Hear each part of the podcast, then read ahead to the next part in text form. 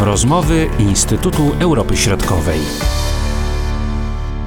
Marcin Superczyński, witam i zapraszam. Ciężkie chwile w ostatnich miesiącach przechodzi sektor lotniczy.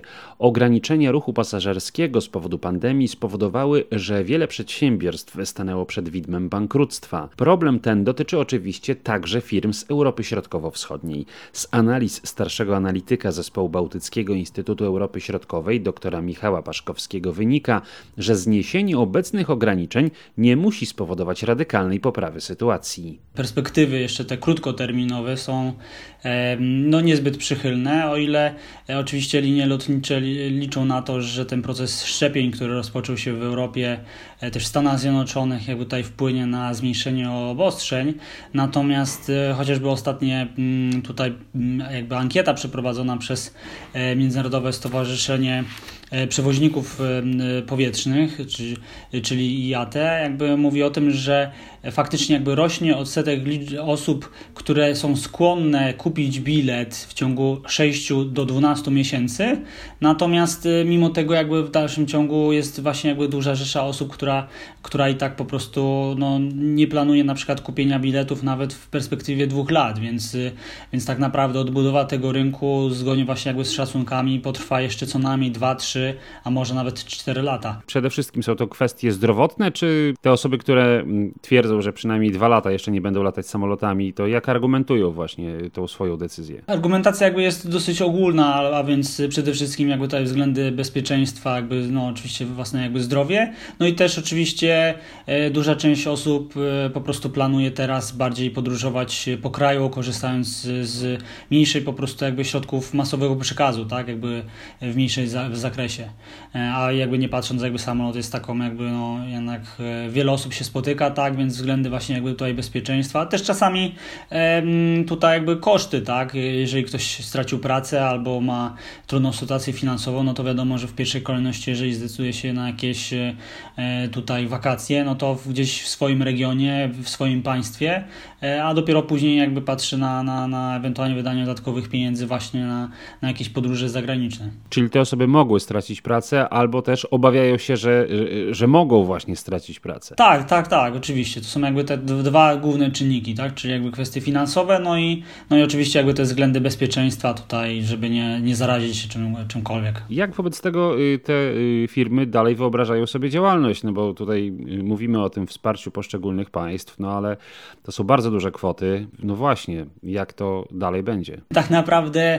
jedyną jakby wsparciem dla, dla firm to oprócz tych, które powiedzmy, że funkcjonowały jeszcze w 2019 roku i uzyskały znaczne środki finansowe, no to jest jakby oczywiście wykorzystywanie jakby zgromadzonych środków finansowych, natomiast y, część po prostu firm, jeżeli to są głównie państwowe, no to może liczyć na wsparcie właśnie państwa, czyli w formie y, jakby udzielonych różnego rodzaju pożyczek, czy też y, e, tak naprawdę tutaj w Europie, jeżeli chodzi o właśnie jakby linie lotnicze krajowe, no to tutaj jest możliwość dofinansowania. Taka sytuacja miała miejsce chociażby w stosunku do polskiego, e, polskich linii lotniczych LOT, czy też na przykład firmy estońskiej Nordica, ale tutaj jakby warunkiem uzyskania tego wsparcia było przejęcie przez rząd jakby większościowych bądź też jakby stuprocentowych udziałów w tej firmie, co też miało miejsce, bo LOT sprzedał właśnie swoje ponad 49% udziału właśnie w tej firmie, więc e, oczywiście wsparcie tak, głównie dla firm e, tutaj prywatnych, znaczy państwowych, natomiast w kontekście prywatnych, no to mówię, albo zgromadzone środki finansowe, albo liczenie na jakieś niestety wyżej oprocentowane, oprocentowane jakieś pożyczki ze strony e, banków komercyjnych. Które firmy lepiej sobie radzą? Te większe, czy te powiedzmy średnie albo małe? Zdecydowanie te większe. E, przynajmniej w, w, Europie Środkowej, tutaj Wizer, który jest jedną z największych firm w, w regionie, no, dobrze sobie radzi. E, o ile oczywiście tutaj musieli we, wesprzeć się e, środkami finansowymi na początku tego roku, o tyle tak naprawdę w, w trakcie zeszłego roku, oczywiście operując na mniejszych, e, w mniejszym jakby zakresie, latając mniejszą liczbą samolotów, siatka połączeń była mniejsza. E, niemniej jednak jakby zgromadzone środki finansowe w 2019 roku pozwoliły tak naprawdę przetrwać tej firmie, a nawet y, rozbudować kilka baz. Liczono po prostu, że, że y, te obostrzenia nie będą jak aż tak długo trwałe i szybko po prostu w momencie powrotu ludzi do latania no, będą na bardzo uprzywilejowanej pozycji. A w tym ujęciu regionalnym, które firmy y, najlepiej wypadają, możemy dokonać takiego e, porównania, czy to firmy na przykład działające na Bałkanach, czy te w basenie Morza Bałtyckiego, czy może w innych państwach? Tak naprawdę chyba, chyba wszystkie jakby porównywalnie są na bardzo, y, no, trud, są w bardzo trudnej sytuacji. W jakimś zakresie być może można mówić o y, tutaj liniach lotniczych z Morza Bałtyckiego, no tutaj z regionu tutaj Air Baltica czy, czy właśnie Nordica, ale to mówię, wszystkie jakby one są uzależnione, jakby ich sytuacja, kondycja finansowa jest uzależniona od przyjętej strategii, od linii, jakby od liczby posiadanych samolotów, jakie to były, w jakich kierunkach jakby te samoloty, jakby te, te linie operowały, więc to akurat na, na, na, jakby na ten aspekt jakby ma wpływ wiele, wiele czynników. Mówimy firmy, samoloty, połączenia, a gdzie w tym wszystkim są ludzie, czyli jak wygląda zatrudnienie teraz w tych firmach, czy to zatrudnienie musiało radykalnie zostać zmniejszone, czy też te etaty są utrzymywane? To znaczy, tak naprawdę w większości przypadków y, żadna chyba linia lotnicza nie ustrzegła się tutaj zwolnieniom, y, ale też tak naprawdę trzeba pamiętać, że wiele korzysta jakby z, z wsparcia właśnie finansowego rządu.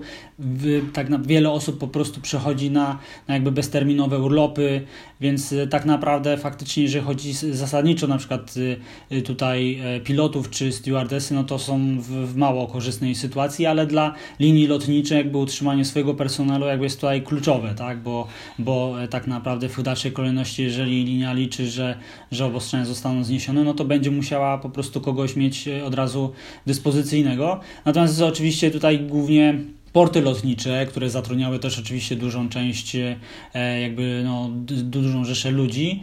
No tutaj akurat w większości przypadków mówimy o bardzo dużych zwolnieniach, bo, bo no, biorąc pod uwagę jakby skalę, skalę tych ograniczeń, no tak naprawdę no, nie, nie są potrzebne jakby duża część e, po prostu takich teraz utrzymywania takiej liczby osób. No i jeszcze dodając, że w ciągu tych najbliższych nawet dwóch lat liczba pasażerów radykalnie może nie wzrastać, to ta sytuacja tak. dalej nie będzie prosta. Tak, zgadza się. Znaczy w pierwszej kolejności to już też widać w statystykach e, rośnie liczba połączeń krajowych, bo tutaj jeżeli chodzi o wiele państw właśnie jakby pozwala funkcjonować linią lotniczym w tych w regionie, bądź najczęściej właśnie jakby w danym kraju. No ale jeżeli mówimy na przykład o małych państwach bałtyckich, no to w tej sytuacji jakby operowanie pomiędzy państwami, nawet pomiędzy Litw, na Litwie czy, czy w Estonii, no to, to są niewielkie jakby e, tak naprawdę odległości, więc e, nie opłaca się utrzymywać takich, takich połączeń, ale e, patrząc na przykład w kontekście Polski czy Rumunii, e, no to już jakby te, te faktycznie jakby możemy mówić o lekkiej odbudowie rynku, ale w tym kontekście krajowym,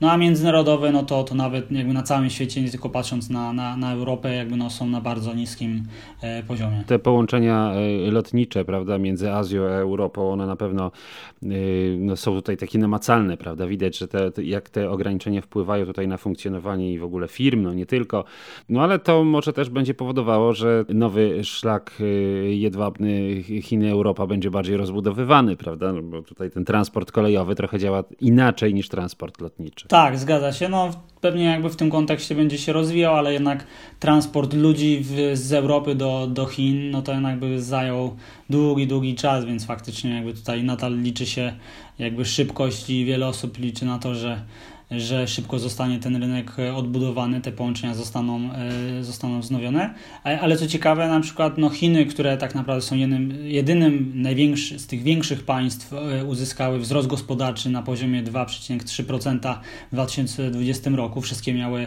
miały spadki. Jeżeli chodzi na przykład o rynek krajowy, praktycznie on funkcjonuje już bez zakłóceń i, i rynek lotniczy krajowy właśnie jakby jest na poziomie sprzed pandemii z 2019 roku. Natomiast połączenia międzynarodowe są mniejsze o momentami 80-70%. Czyli Chiny się wzmacniają, a y, Europa Zachodnia i Stany Zjednoczone no niekoniecznie. Tak, no chyba możemy jakby tutaj wysnuć klucz tych danych, tak, jak najbardziej jakby dostępnych informacji. Jaż się cisnął na usta teorie spiskowe, ale o tym nie będziemy tak. mówić. Mówił dr Michał Paszkowski, Marcin Superczyński. Do usłyszenia. Były to rozmowy Instytutu Europy Środkowej.